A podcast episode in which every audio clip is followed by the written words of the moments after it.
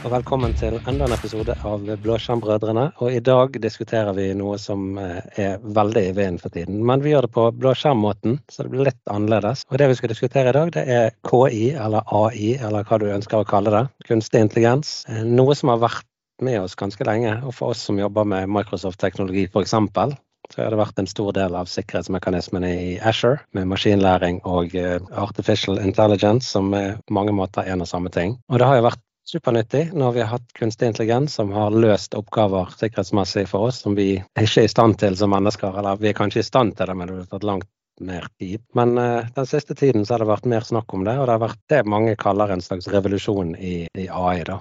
Og hva er det som har endret seg? Jeg kan spørre Olav først, f.eks. Ja.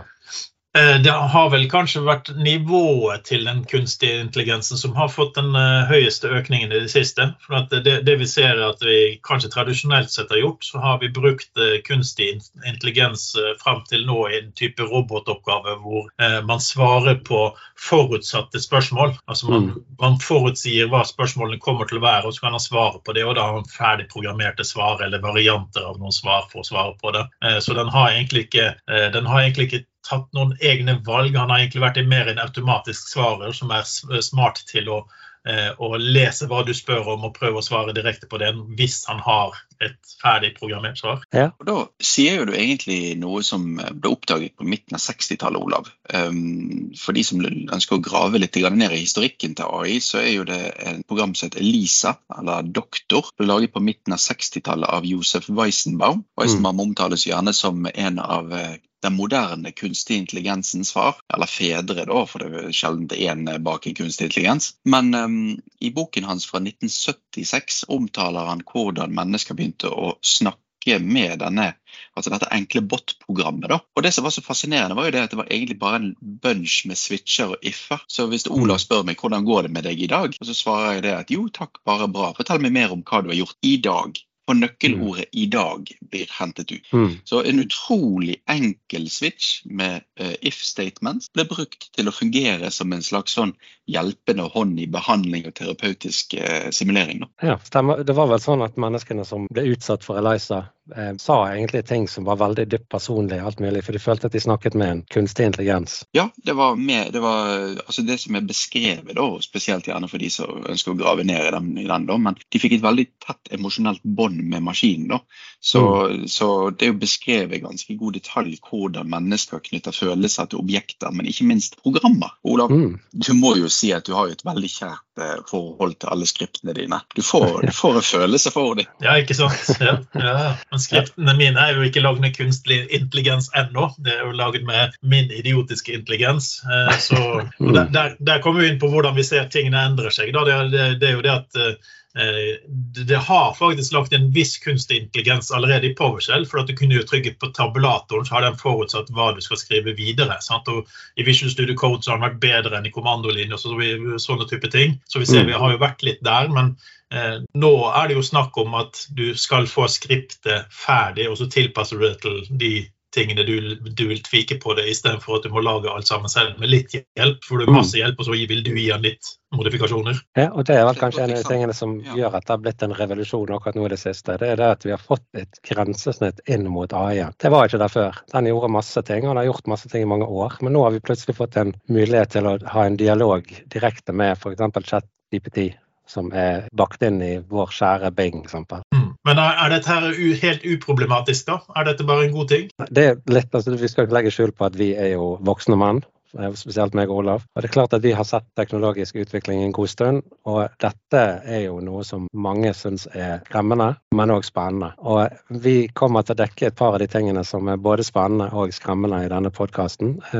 Men jeg tror en annen av gudfedrene til AI, som Jeffrey Hinton heter han, eh, jobbet bl.a. for Google, han kaller jo ChatGPT for en eh, idiot savant, som samler inn masse inkonsekvente data og lager modeller ut ifra det. Så han forstår ingenting av det som han presenterer. Eh, det er ikke noe sannhet her. Det er ikke noe sånn her er sannheten, to streker under svaret. Sant? Han bare lager en sannhet ut ifra masse inkonsekvente data, som er helt annerledes enn mennesket. For vi, vi, er litt konsekvente i måten vi ser på verden. Vi har, vi har, så har vi evnen til å filtrere de dataene vi tar inn, på en helt annen måte. Det, det er en veldig god beskrivelse. Man skiller jo gjerne på det å velge eller altså å, ta et valg eller å ta en beslutning. Mm. For det å ta et valg, da ligger dataene der allerede. Og det er jo det da, da ChatGPT og Bing og alle disse kjente ting gjør. Da, sant? De, de tar et valg basert på et datagrunnlag. Men det å ta en beslutning, det er gjerne basert på vekting av disse tingene. At du tar noen flere faktorer enn bare dataene i seg selv. Mm. Uh, og, og jeg syns det er et fantastisk eksempel. Uh, jeg bruker Askøy som en sånn eh, go-to til veldig mye. For, for uh, postkontoret til Olav er jo mitt nærmeste postkontor. Men det er jo 44 km lengre enn mitt nærmeste postkontor. For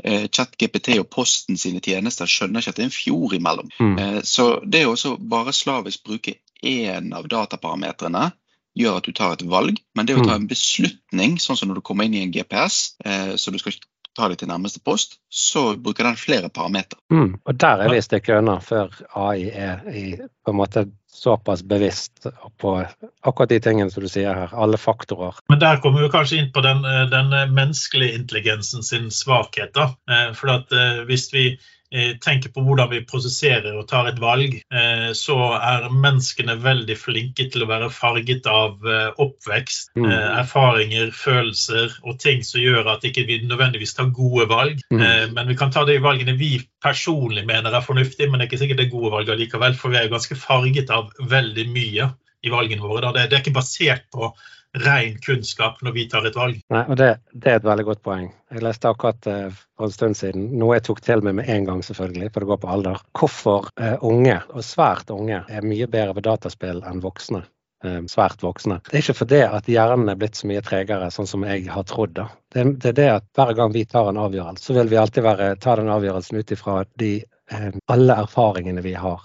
Alt, hva skjer når jeg klikker på denne knappen? Sant? Jo mer erfaring du har, jo mer går du igjennom hver gang du skal trykke på den knappen. Du ser flere scenarioer for deg om hva som kan skje, enn kontra noen andre som bare tenker oi, dette er sikkert gøy, og så trykker du. mens du vil se. Ja. Mm. Ja, det, En annen Det- ting, eh, og dette, ja, og dette har jo vært eh, skrevet eh, tidligere, det var jo du som tipset meg om boken der, Olav. For en ting er jo også å være farget av, av fordommer og egen oppvekst og sånt, men du tar jo gjerne riktig beslutning, men på utdatert data. For vi må jo Mm. oppdatere kunnskapen vi har. Så ikke bare må vi tilegne oss nye fagområder, tilegne oss nye metoder, vi må jo oppdatere det datagrunnlaget som ligger der. Der har vi jo hatt veldig mange gode eksempler. Vi vi ser jo disse artiklene som gjerne kommer fra nå tid til annen om at det står bedre til i verden enn vi tror.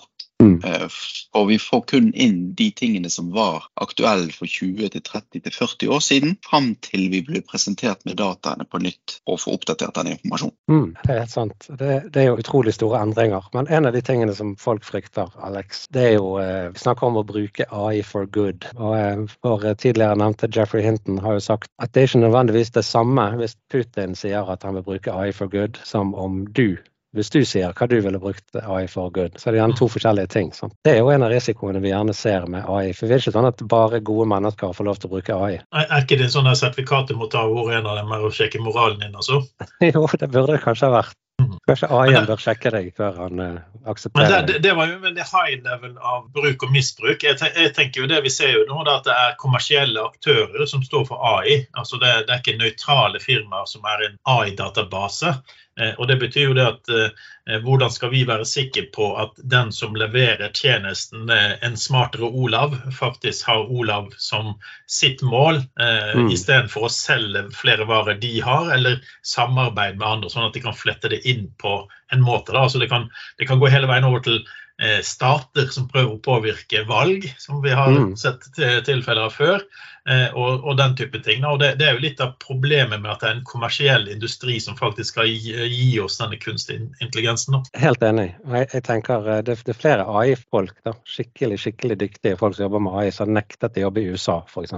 Fordi de visste at hvis de jobbet i USA, så ville de bli fundet av Forsvarsdepartementet, og den eh, researchen de hadde gjort, forskningen de hadde gjort, den ville blitt brukt til, til eh, forsvar og angrep. Mens det vi har her, som du sier helt riktig, det er jo Google og Microsoft, alle disse store kommersielle aktørene som kanskje bare har ett fokus, og det er å tjene penger og være først ute. Så begge de to er det jo en fare med. Sant? Det, det ene fordi at de ønsker å tjene penger og være best og først tidligst ute. Det andre fordi at de har lyst til å ha makt og være best og først og tidlig ute. Mm. Sant. Jeg tror, jeg tror faktisk den. Ja. Mm. Men, men den synligste AI-en vi ser som vi ikke tenker over, det er jo reklamene du får når du er på en nettside. Mm. Så Det er jo AI som har sagt at uh, du er veldig interessert i, i fakser, ikke sant, Alexander? så du får alltid opp faksmuseet rundt omkring når du reiser. og tilbud på brukte fakser fra Finn og den typen ting. Og printerne til Pål Erik dukker jo stadig vekk opp der også. sant? Ja, det er en plage. Mm.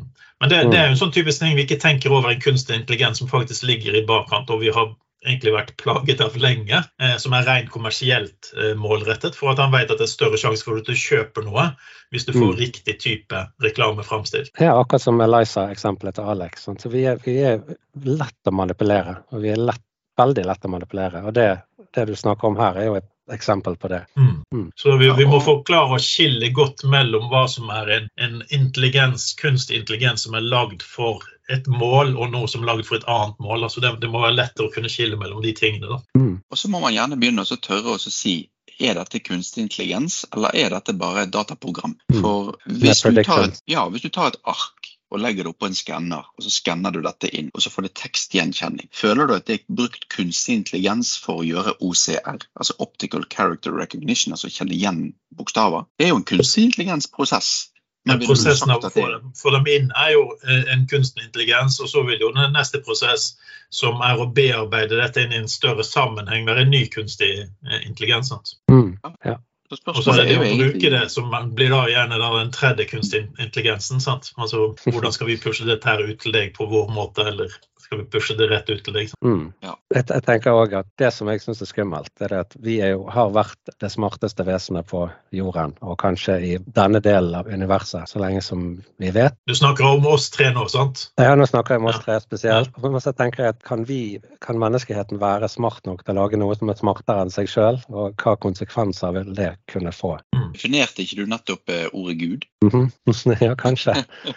det, det, er jo, det er jo noe Elon Musk som vi elsker akkurat opp som eksempel her, podkasten vår, av mange grunner. Det er jo fordi han er jo artig og litt sprø som en kjeks innimellom. Han har jo sagt det at uh, han syns AI kan være en langt større fare for menneskeheten enn atombomben.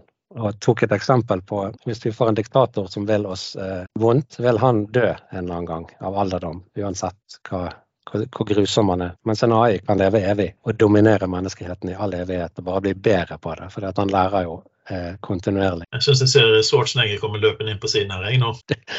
Det er veldig naturlig hopp til, eh, til Terminator, indeed. Yep. Mm. Men er det noe bra med AI? Er det, er det bare negativt dette? Nå har vi vært veldig doom and gloom, og det blir sikkert enormt mange eksempler som er, som er ille med AI. Men er det noe som er positivt med AI, Alex? Ja, det er jo bl.a. gjort noen studier der eh, Og det, det, er jo positivt, det er ikke negativt, men det er sannelig creepy. Men basert på sånn som hvis du henter inn, bruker Trumf-medlemskap og Coop-medlemskap, altså rett og slett medlemskap når du er ute og, og, og shopper. Så Elsker at det er det du tar opp som det positive eksempelet med AI, forresten. Ja. Ja, ja, ja. ja. Så klarte de ut ifra endringer i handlemønstrene å avdekke tidlige stadier av kreft. Mm, mm. riktig. Så endring i atferd, hvis det blir oppdaget tidlig nok, kan jo signalisere forskjellige trender som kan bearbeides. Så mm. jeg tror jo at det er veldig mange ting vi i dag har en litt sånn frynsete skepsis til, som mm. er frynsete fordi at i dag blir brukt for dårlig, kan bli brukt godt. Men det må jo da faktisk blir brukt godt. Mm. Jeg tror du er enig på noe. Olav, hva tenker du med medisinsk forskning f.eks. og AI versus menneske? Jo, altså det, det, er jo litt sånn som, eh, som et skript. Altså Hvis det automatiserer noe, eh, så er det lettere å få det gjort. Eh, det kan gå mm. kjappere. Eh, men dessverre, hvis det er en feil, så vil feil være gjentagende. Og Det vil jo mm. også være med AI-muligheter her. Sant? så Det kan, kan være at de har kommet fram til litt feil resultat og fortsetter å gå med det resultatet. Eh, så mm. man må jo revurdere. Eh, men samtidig så er det enda større sjanse for at de har rett. Sant? Og det, det, tenker jeg litt på sånn med administrative ting, da, sånn kommunale søknader og den typen ting. Så er det veldig ofte avhengig av at personen som svarer deg, faktisk er oppdatert med de nye reglene og skjønner regelverket. Eh, men mm. hvis du har en AI, så vet den regelverket og skjønner det og kan svare deg direkte. Sant? Så sånn administrativt så kan vi se at eh, kanskje han kutter ned noen jobber, men samtidig så vil han effektivisere byggesøknader, eh, andre typer søknader, som gjør at eh, man får fort, mer fortgang i ting, da, sånn at det blir mer sømløst å, å gå gjennom ting. Og du kan, kan, veldig fort påpeke at du glemte dette papiret. Istedenfor mm. tre måneder etter at du har søkt, så får du beskjed om det. Men du, du ble avvist for du glemte dette papiret. Sant? Ja, det er et veldig godt poeng. og det, det, tror jeg er det som gjør AI fantastisk. Det er det at han kan f.eks. knakke gjennom masse data som vi kanskje syns er kjedelig repetitivt, for at vi som mennesker skal kunne ta en avgjørelse eller eh, gjøre det kreative arbeidet på slutten. Mm. For eksempel, eh, og jeg tror at mange jobber kommer til å endre seg. Eh, jeg tror ikke dette nødvendigvis forsvinner så mange. Noen kommer til å forsvinne, men jeg tror veldig mange bare endrer seg. Og at utdanningen vår som vi har nå i dag, må endre seg til å reflektere f.eks. det i forskning. At vi kan bruke AI. At, vi kan, at computer technology blir en enda større del av de forskjellige fagene, til og med medisin. Men jeg vil jo tippe at en av de viktigste jobbene som kommer, da, det er å være skeptisk. Ja, altså en profesjonell skeptiker. Altså, noen må jo holde øye med dette her og forstå hva som skjer, og kunne faktisk komme med kritikk til at eh, her mangler vi kanskje en menneskelig faktor i alle avslagene som har kommet. Mm. Eh, og den typen ting. Så, så skeptikere det, det, tror jeg vi trenger flere av. Ja. Av en eller annen grunn så fikk jeg bare for meg en person med kaps, skjegg og så tror at jorden er flat. Ja, sant. Men ja. jeg har kaps og skjegg, men jeg tror ikke at jorden er flat. bare som det, det var det du sa i går, Pål. Du sa ja. til meg at du trodde jorden var flat. Ja, det, det var mellom meg og deg. Han var oval, sa han, for han går litt opp på midten. Mm. Men, men det, det, som er så vittig, det vi skulle ha gjort nå, og det jeg tenkte vi kanskje skulle ha gjort, vi skulle ha sport, eh, chat, eh, GPT, en del ting eh, mens vi hadde podkasten. Så det får bli til del to av AI der vi kan få ChatGPT til å lage en fantastisk podkast for oss, f.eks. Mm. Mm. Ja, jeg, jeg, jeg, bruker jo faktisk mye Bing sin chat-funksjonalitet. Uh, for jeg føler den har kommet ganske langt og er lett tilgjengelig for mange. Så, så det, det, jeg føler at den har gitt meg eh, lette måter å stille spørsmål. Eh, og så liker jeg det, om det er sånn det kommer til å bli fremover, da, men så liker jeg det at den gir meg en oppsummering men er veldig flink til å si hvor han har hentet grunnlaget sitt fra. Mm. For det føler jeg er ganske viktig. Altså, når du skal søke etter noe, så bør du få vite hvor er dette, denne informasjonen basert på. For han, han, lager jo en highlight av det han tror er fellestrekkene i flere områder. Eh, mm. Så det å kunne gå inn og se videre på enkelte ting, det er jo ganske, eh, ganske positivt. Google, Google, har vært veldig kritisk til Microsoft sin måte å inkorporere ChatGPT i Bing. De mener jo at det er uforsiktig, mm. og at ikke teknologien er moden nok til å gjøre det. Sant? Så kommer de med sin eh, Google Bard. Ikke i nærheten av å være såpass eh, langt fremme som ChatGPT, men eh, de mener at her må vi trå varsomt vi må gå roligere frem, og Microsoft mener de har gått for fort frem. Tror du det bare er økonomisk, eller tror du at det ligger noe moralsk bak dette? her? velger å avstå fra å svare. ja, jeg jeg syns det er noe rart, for min Google-høyttaler har jo en tendens til å svare meg på alle mulige rare ting, ting uansett om jeg spør dem eller ei. Så jeg syns de har brukt sin kunstig intelligens ganske heftig uten at den har vært trenet godt nok og opplokke allerede. Mm, ja, kan man jo si egentlig om de fleste sånne personlige assistenter som lytter. Jeg, jeg tror, Hvis jeg skal ta det som jeg syns er skumlest med AI, så er det ikke det at jeg tror at han skal ta over verden, eller at han skal føre til en uh, verdenskrig. Det jeg tror er skumlest, det, det er hvis vi er uforsiktige med hvordan vi behandler mennesker framover. Dette her med, mm. Jeg tror at mennesker trenger å føle seg nyttig. Jeg tror at folk liker å gå på jobb hvis de kan, eh, og er i stand til det, og føler at de gjør et stykke arbeid og er nyttig, og at de kommer hjem og henter lønnen sin. alt dette. Hvis vi havner i en posisjon der vi fratar mennesket muligheten til å føle seg nyttig, så tror jeg det kan bli en katastrofe. Ja, jeg syns du har et veldig godt poeng der, Pål. Og, og, vi merker jo det til og med de som uh, av, av, forskjellige grunner ikke kan delta i arbeidslivet i Norge. Så det er veldig mange av de som deltar i frivillig arbeid. Mm. Den, i den kapasitet de er i stand til å bidra med frivillig arbeid. Altså det å føle at man bidrar med noe på et eller annet område, da, den, den er veldig iboende i mennesket. Da.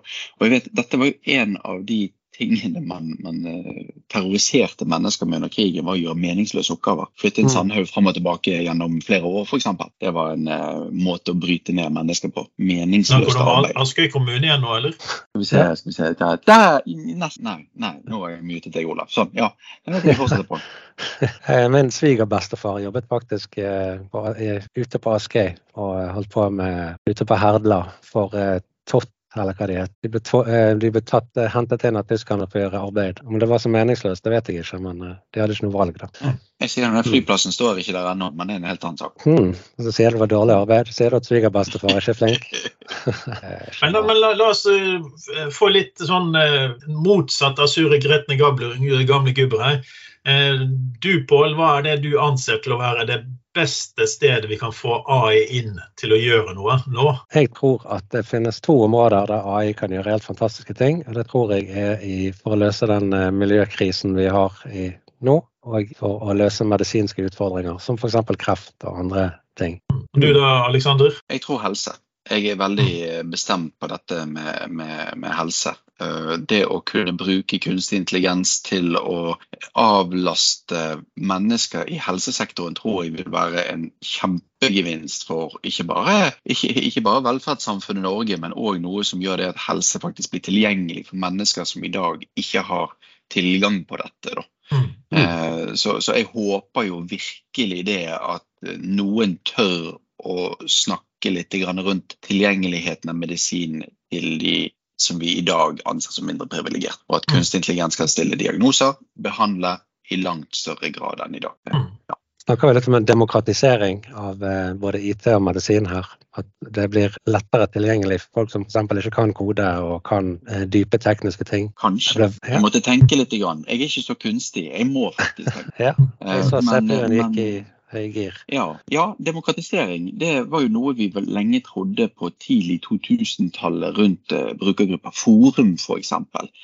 Man bruker jo ikke forum i dag i samme måte. Um, så frie brukergrupper har jo egentlig oppnådd motsatt etter at man fikk de store. Da, Twitter, LinkedIn, Facebook osv. Så, videre. så jeg er jo litt bekymret for at det kan ende opp med demokratisering av helse, f.eks. At uh, det ikke blir mange småaktører eller mange goodwill-ambassadører, men at det blir nok ens big corp som utnytter det. Da. Men uh, jeg er positiv og velger å, å, tro at dette blir bedre for flere. Mm. mm. Men jeg tenker, tenker, kanskje også, eh, Siden vi er mye inne på de samme områdene, så tenker jeg liksom det med omsorg av en AI. Altså Hvordan kan en AI hjelpe oss å gi omsorg, om det skal være en, en kunstig hund, en kunstig katt. altså mm. Bare folk som kan være litt eh, ensomme, om de da kan bli mindre ensomme. Eh, om folk som har eh, Alzheimer eller sånne type ting, allikevel kan få noen som kan vise dem omsorg. da. Eh, jeg, jeg, føler at det er et område som kan bli veldig spennende å se om de kan utforske litt. og det, det, det, er helt åpent, for det er veldig vanskelig å vite hva man skal gjøre, men man ser at det er et kjempebehov. da. Det er ganske artig du sier Olav. For eh, i Japan har de laget en app som på en måte blir noens kjæreste. Som er, kanskje ikke er så artificial intelligence, men i hvert fall oppfører seg sånn. Mm. Som faktisk har hatt negativ effekt. Det har ført til at folk eh, får dekket en del eh, sosiale behov med en app istedenfor å være ute og skaffe seg en uh, venn eller en partner, eller hva. Mm. Det, det, er veldig morsomt du nevner Japan, da. For det at uh, tilbake til uh, slutten av 90-tallet, begynnelsen av 2000-tallet, så lagde jo Sony en egen robothund som het Aibo. Og den, Jeg vet ikke hvor mange iterasjoner av den de har hatt, men den har jo de lagd den dag i dag. Og du kan ha en 3000 kroner året fornyelsesplan for at han skal ha en sky-AI-oppgradering. Hey. Så, så og dette er jo ikke bare for de som er deprimert eller mentalt syke, eller de som ikke vet hvor de er. Dette kan jo være for allergikere, eller mhm. der man eh, bor rundt mennesker som ikke tillater levende dyr. Så har man mhm. muligheten for å kunne imitere dette. Da. Så, mm. så det er absolutt mange muligheter man kan se til. Da.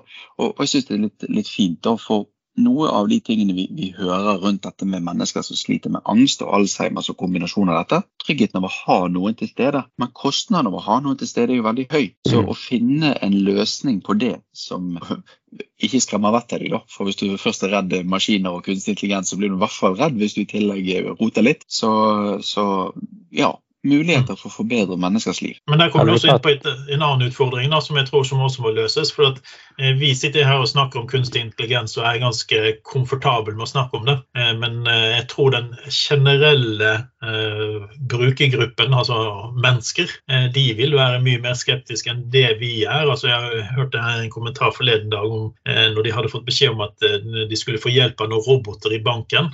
så var det liksom ja, skal roboten sitte med siden av oss? Sant? Altså, mm kunstig intelligens er jo ofte det vi anser som en robot. Eh, og, mm. og, da ser jo folk for seg en stor robot fra 70-tallet som kommer gående med, med klikkende klakkende osv. Så, videre, så jeg tror det at det, eh, det tar litt tid før vi kommer til å kunne ta det i bruk så mange steder som vi tror. For dette er nok en av disse buzzwordene som kommer. Ja, han kommer, han vil begynne å bli tatt i bruk. Men, men vi må jo tenke på hvordan kan vi integrere det i samfunnet på en måte som gjør at det blir akseptert. Mm. Og, og, det med teknologi er jo en utfordring. Jeg, I går var jeg og tok påskehandelen min på eh, en eh, av eh, Norges større butikkjeder. Og når jeg hadde betalt, så hører jeg personen bak meg i kassen si at hun hadde glemt ja, vi kan si det, Coop-kortet sitt, medlemskortet. Mm. Og så sa han i kassen ja, men det, du kan jo bare laste ned appen. Og så sier hun ja, det hadde hun prøvd, men det fikk hun ikke til. Sant? Og så sier han jo, men det er ganske lett, sier ja, Og da, da, hopper han liksom lettbeint over den. Eh, for det, ja, det er lett for oss, men det er kanskje ikke lett for en som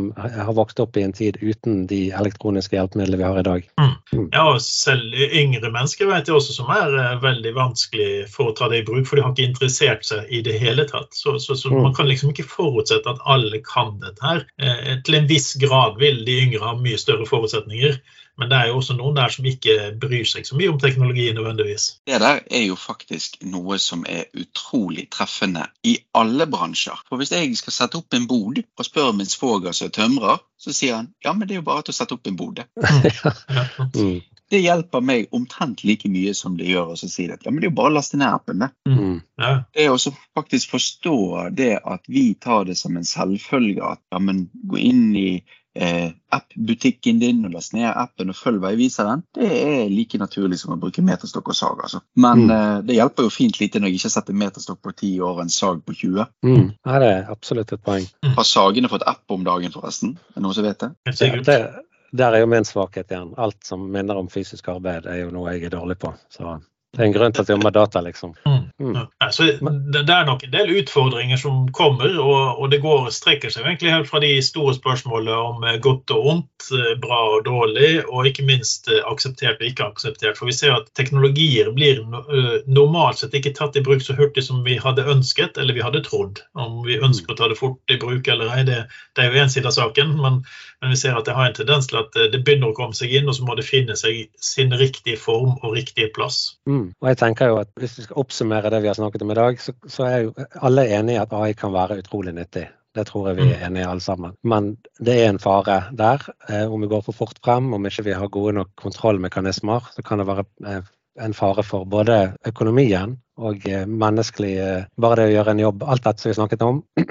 og vi har jo blitt litt skremt av science fiction-litteraturen og filmene. Du nevnte Skynet i sted med Terminator. Og den litteraturen der har jo vært utrolig flink til å få fram skremmende eksempler på hva som skjer når eh, vi lager en intelligens som er sterkere, bedre enn oss, men mm. mangler eh, empati og sympati osv. Men jeg tror vi kan si at dette, dette klarer ikke vi å stoppe. Selv vi i, i Blåskjermbrødrene klarer ikke å stoppe dette med all makten vi har. Så vi, vi kan jo håpe at eh, fornuftige mennesker, mer fornuftige mennesker enn oss eh, har en klam hånd på dette underveis jeg, tror faktisk det, det, det største, uh, den største feilen man kan gjøre, det er å late som ikke det fins, forby det, overse det og den mm. typen ting. For vi er faktisk nødt til å ta dette her inn over oss før det er for seint. Altså før noen andre har gjort og misbruker det til de grader. Så, så, må man finne ut Desto mer vi klarer å gjøre godt med det, desto mer kan vi bekjempe de som for, for, forsøker å gjøre noe negativt med det. Altså bare se sånn, uh, En av de diskusjonsfaktorene som er oppe nå, det er at kunstig intelligens intelligens vil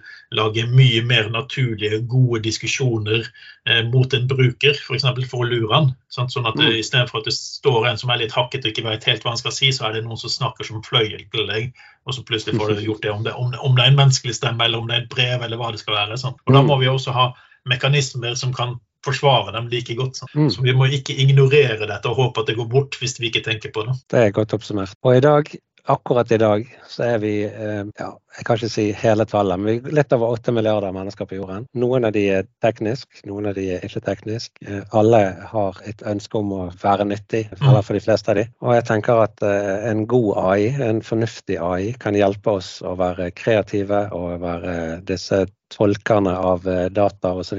som vi snakket om. Mm. Og frata oss kanskje de Flytte den sandhaugen fra et sted til et annet sted, eh, som du nevnte, Alex. De repetitive oppgavene som kanskje ikke er så givende. Ja, hjelpe å gi muligheter til flere og redde, redde flere om det skal være om, eh, naturkatastrofer eller hva det skal være. Det, er- det er så masse godt vi kan bruke det til. Mm. Ja, et, et, et sånn siste avslutningsvis kommer på et eksempel jeg har brukt eh, tidligere. Det var jo barn med cerebral parese kan uh, bruke i- altså Xbox Kinect-sensorene, da, disse kameraene, i et program som heter KidNect, for å kjøre repeterende øvelser for å forbedre muskelkontroll. Mm. Og For det første så er jo det sånn at mange må gjerne reise langt, ta fri fra skolen, eh, og det koster ganske mye penger å ha terapeuter og behandlinger som eh, mennesker må se og observere. Mm. Og Det er helt riktig at man skal beholde disse tingene for å gjøre korreksjoner, men eh, ikke den store mengden, altså volum av aktiviteter. Det kan man ta sjøl. Mm. Du hatt deg en eh, robot eh, med AI som kunne redde hjemme hos deg, Alex? Jeg har det allerede.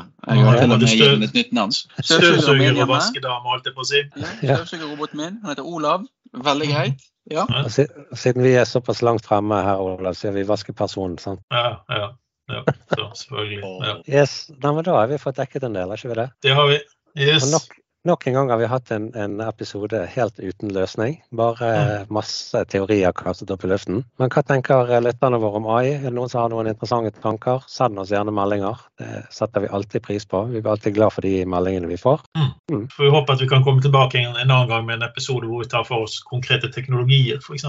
Med Mm. AI i seg. Ja, det kunne jo vært litt spennende å se på det. Og så får de se hvor sterk AI-en har blitt når de merker at Olav har blitt tvunget til å si flotte ting om eh, chat-GPT f.eks. Og bare det. Ja, nice. Takk for denne gangen. Ha det bra.